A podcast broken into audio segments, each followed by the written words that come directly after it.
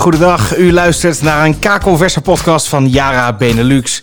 Mijn naam is Ruben Leijzega. Samen met melkveespecialist Theo Koers bespreken we vandaag het onderwerp kunstmest en de veehouderij. Ja, heel algemeen, heel breed. Maar ja, Theo, er is toch veel over te doen, hè, kunstmest. Kun je uitleggen waarom het uh, volgens jou noodzakelijk is om kunstmest te strooien als we ja, voor de toekomst een duurzame, hoogkwalitatieve landbouwsector voor ogen hebben? Nou, het is, uh, kunstmest is een, is een mooie aanvulling op drijfmest. Drijfmest is natuurlijk uh, een van de hoofdbemestingmiddelen die we gebruiken op een melkveebedrijf, onder andere. natuurlijk ook andere soorten drijfmest, maar melkveebedrijven die produceren rundveedrijfmest en dat gebruiken ze. En ter aanvulling, zeker in het voorjaar, ja, de, de mest wordt uitgereden en die komt relatief langzaam vrij. En uh, om daar toch snel werkende stikstof bij te gooien op het juiste moment, in de juiste hoeveelheid op de juiste plaats, uh, om het zo mooi te zeggen, uh, ja, ben je dus toch die kunstmest nodig om dat gras mooi aan de gang te krijgen. Dus het is perfect op het juiste moment gebruikt. Je kan eigenlijk veel makkelijker mee sturen. Klopt, absoluut. Het is in ieder geval een, een iets snelwerkends. En dat is iets waar ik van de week nog een discussie over had. ja, we moeten eigenlijk voor het voorjaar een meer ammoniumhoudende meststof hebben. Uh, ja, dat klopt. Alleen als je het op het juiste moment toepast, dan wil je ook hebben dat het direct werkt. En dan kan dat rustig met wat nitraatmeststoffen. Kijk, en onze kunstmest, de kas en de zwavel, eh, de kaswavel, de sulfan, die bevat uh, naast nitraat ook ammonium. Dus dat is, uh, ja, de helft, de helft is op zich geen probleem. Dus die nitraat die komt snel vrij en die kun je dus heel goed gebruiken voor de directe opname en de ammonium duurt iets langer. Ja, positief voor het land, positief voor de bodem. Nou staat kunstmest toch niet altijd eh, even goed bekend, hè? Uh, een van de hoofdbestanddelen ammoniak. Nu zijn jullie onlangs begonnen als Jara zijnde met de productie van groene ammoniak. Hè, plak er het label groen op en het is duurzaam. Maar wat is dat nou precies dan? Nou, mee begonnen. Dat is een heel mooi verhaal, uh, Ruben. Dat is, dat is nog niet, we zijn nog niet begonnen. We hebben in het verleden hebben we al hartstikke mooi uh, gestart. En dat hebben we ook aangevraagd. Alleen dat is toen afgeketst en is in Australië terechtgekomen. Hm. Daar zijn ze begonnen met de groene ammonium.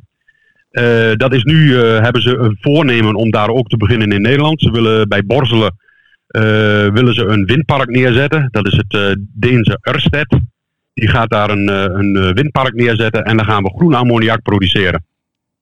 Daar kunnen we voor 100.000 ton CO2-reductie zorgen. Dus we kunnen behoorlijk wat, wat doen. Uh, als je het een beetje beeldend wilt maken, het is hetzelfde als je 50.000 uh, auto's van de weg zou halen, die CO2-uitstoot die daaruit komt. Dus dat is best wel, een, best wel een hele aardige ontwikkeling. We zijn er nog lang niet, want dat is lang niet genoeg voor de hele gebeuren in, in Sluiskil. Maar ja, het begin is er. En ja, dat is in ieder geval belangrijk dat we die stap gaan maken. Ja, ja begin is er. Sluiskil is een gigantische operatie in het gebeuren van kunstmest over de hele wereld, als je dat zo, zo mag noemen. Uh, maar als ik nou als melkveehouder de, de bewuste keuze wil maken voor, voor uh, kunstmest, dan weet ik zeker dat uh, prijs en duurzaamheid niet altijd hand in hand gaan. Maar zou ik het dan niet altijd, als ik een duurzaam kunstmest wil strooien, het Nederland moeten halen? Nou ja, duurzaam is, is in zoverre. Kijk, komende week is de Dutch Food Week. Dan gaan wij met z'n allen proberen zoveel mogelijk Nederlands product te kopen. Dus uh, direct bij de boer of in de winkels kijken van waar komt het vandaan. Komt het uit Nederland? Kijk, dat is een heel goed uh, initiatief. Dat wordt ook door uh, iedereen omarmd. van het ministerie tot aan elke boer als je die vraagt van oh, moet ik hier uit de buurt kopen? Ja. alleen het probleem is de consument kijkt naar de portemonnee. Die zegt ook van ja, ik kom in die winkel en ik kijk en ik ik maak vaak toch ook een keuze wat, wat, wat de beneden betreft. En uh, het goedkoopste product wordt uh, vaak in de, in de kar gegooid. Datzelfde geldt ook wel een beetje voor uh, onze melkveehouders en akkerbouwers. die kijken ook vaak naar de prijs. En ja, het is niet altijd zo dat het in Sluiskil of in, in Teteren, dus of in de Benelux geproduceerd of in, in, in Geleen, is wel het dichtste bij. Maar dat hoeft nog niet altijd het goedkoopste te wezen. Maar als je puur kijkt naar het, het verhaal van carbon footprint, transportbewegingen en dergelijke. Ja, dan zou uh, iets lokaal gekocht zou best wel passen. Dus in de Dutch Food Week past in principe ook een, uh, een, een, kunstmest die dicht in de buurt geproduceerd wordt. Heb je ook minder transportbewegingen. Dus wat dat betreft sluit, uh, sluit het daar wel bij aan. Ja, zeker. zeker. Waar ik nu wel benieuwd naar ben, net Theo. We zitten natuurlijk allemaal weer in die, in die. Bijna 6000 positieve geconstateerde besmettingen per dag. Nou roep jij altijd op, joh, ga het veld in, kijk nou hoe het erbij staat. En vaak assisteer jij er dan ook bij. in een soort farmwalk. Hè? Dan ga je samen met de melkveehouder het land in. Hoe doe je dat nu? Ja, op dit moment is het, uh, is het een beetje ja, afwegingen maken. Uh, kijk, ik wil heel graag vol op het veld in. Ik heb ook de nodige aanmeldingen voor uh. Die hebben met onze nieuwsbrief hebben zich netjes aangemeld. Um, ja, we zitten een beetje met het hele corona gebeuren. Kijk, kunnen we netjes ons gedragen en we kunnen afstand houden en we kunnen het veld in. Ja, is dat op zich niet zo'n heel groot probleem. Alleen ja, ik, ik heb een beetje een zware hoofd in wat komend weekend gaat gebeuren. Die cijfers vliegen toch wel behoorlijk de pan uit. Dus ik, ik denk dat het, uh, ja, het kan wel eens een keer zo ver uitlopen dat we weer een lockdown krijgen. Ik weet het niet. Ik, ik wacht het even af. Ik kijk even tot begin volgende week. Dan ga ik toch weer gewoon weer afspraken maken om het veld in te gaan. Dus dat is, ja, kijk, je kunt altijd via telefoon kun je advies vragen. Maar er is niks zo goed als samen het veld in. Of zelf het veld ingaan en op de knieën het gras bekijken en kijken hoe de situatie daar is. Dus dat is in ieder geval een, een, een belangrijke zaak. Dus ik, ik, ik, laat het even op zijn beloop. Ik kijk even begin volgende week af en dan, dan ga ik weer volle bak op pad. Ja, ja. Want normaliter maak je denk ik gebruik van de data die Jara zelf vergaart. Van, van ja, proefboerderijen, je noemt dat volgens mij demo farms. Ja, wij, wij hebben heel veel zelf informatie, zelf proeven die we doen. Kijk, we zijn nu zijn we bezig mee en dan zijn we ook met aan het, aan het vragen of mensen daaraan mee willen werken als demo farm. Dat is in principe heel makkelijk. Het is het systeem wat ze nu hebben het maakt niet uit hoe je het doet. Als je het met vloeibaar doet, als je het met ureum doet, als je het met, maakt me niet uit hoe je het doet. En dan leggen we daarnaast, leggen we daar ons Jara-systeem, onze zienswijze leggen we daarnaast. Uh, niet om te overtuigen direct, maar gewoon om te laten zien van zo doe jullie het, zo, uh, dit is ons advies.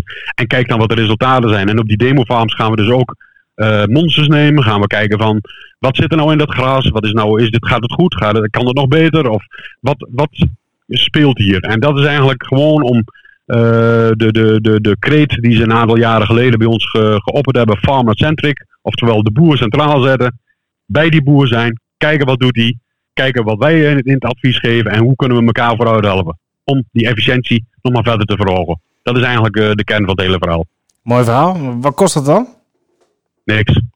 Kost mij tijd. Ja, tijd. Ja, kost mij tijd. Maar kijk, ik zeg zo van, ik kom op een boerderij, ik kom wat halen, ik kom informatie halen en ik kom hopelijk wat informatie brengen. Ja. En als we daar een wisselwerking in krijgen, worden er allebei beter van. Uh, dan is het gewoon net als in de handel. Je moet er allebei beter van worden, want anders dan houdt dat geen stand. En dat is in dit geval ook zo.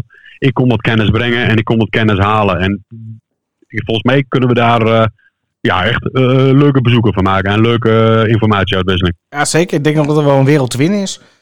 Um, tot slot, een, een, een ja, onderwerp waar we nooit echt omheen kunnen, het weer. Ik kijk nu naar buiten, nou, het is hier weer nat. Uh, inmiddels zorgt dat op de A27 bij Almere voor een gigantische wietlucht. Ik weet niet of je het gelezen had, maar daar kan de hennep niet van het veld. Prachtig okay. verhaal. maar wat is er nu wel mogelijk? Ja, wat er nu mogelijk is. Ja, je kunt in ieder geval altijd op, je, op je veld gaan kijken wat er aan de hand is. Kijk, uh, ik, ik heb al een aantal berichten langs gekomen. Mensen die de maïsoogst een paar dagen uitstellen. Uh, even geduld hebben. Kijk, het enige waar je een beetje mee zit is, heb je geen gras ingezaaid en ziet je nou, wil je nu maaien en je bent vanwege je derogatie verplicht om gras in te zaaien. Nou hoop ik dat je het via het onderzaai gedaan hebt. Heb je dat niet, ja, dan is het wat lastig. Maar in ieder geval, dat zijn de dingen. Qua grasland, ja, heb je hooggelegen grasland en, en woon je in het oosten, kun je volgens mij nog best wel, ook voor stalvoederingen zo best wel maaien. Uh, het westen van het land, als ik daar de millimeter zag, dan geloof ik dat daar gewoon alles even een aantal dagen, misschien wel weken klaar is. Dat we hebben ernaar moeten kijken. Dus het, ja, het weer is, is wispelturig en er komt nog zat water aan. In ieder geval als ik de lage drukgebieden die aankomen vliegen, er zijn er nog zat.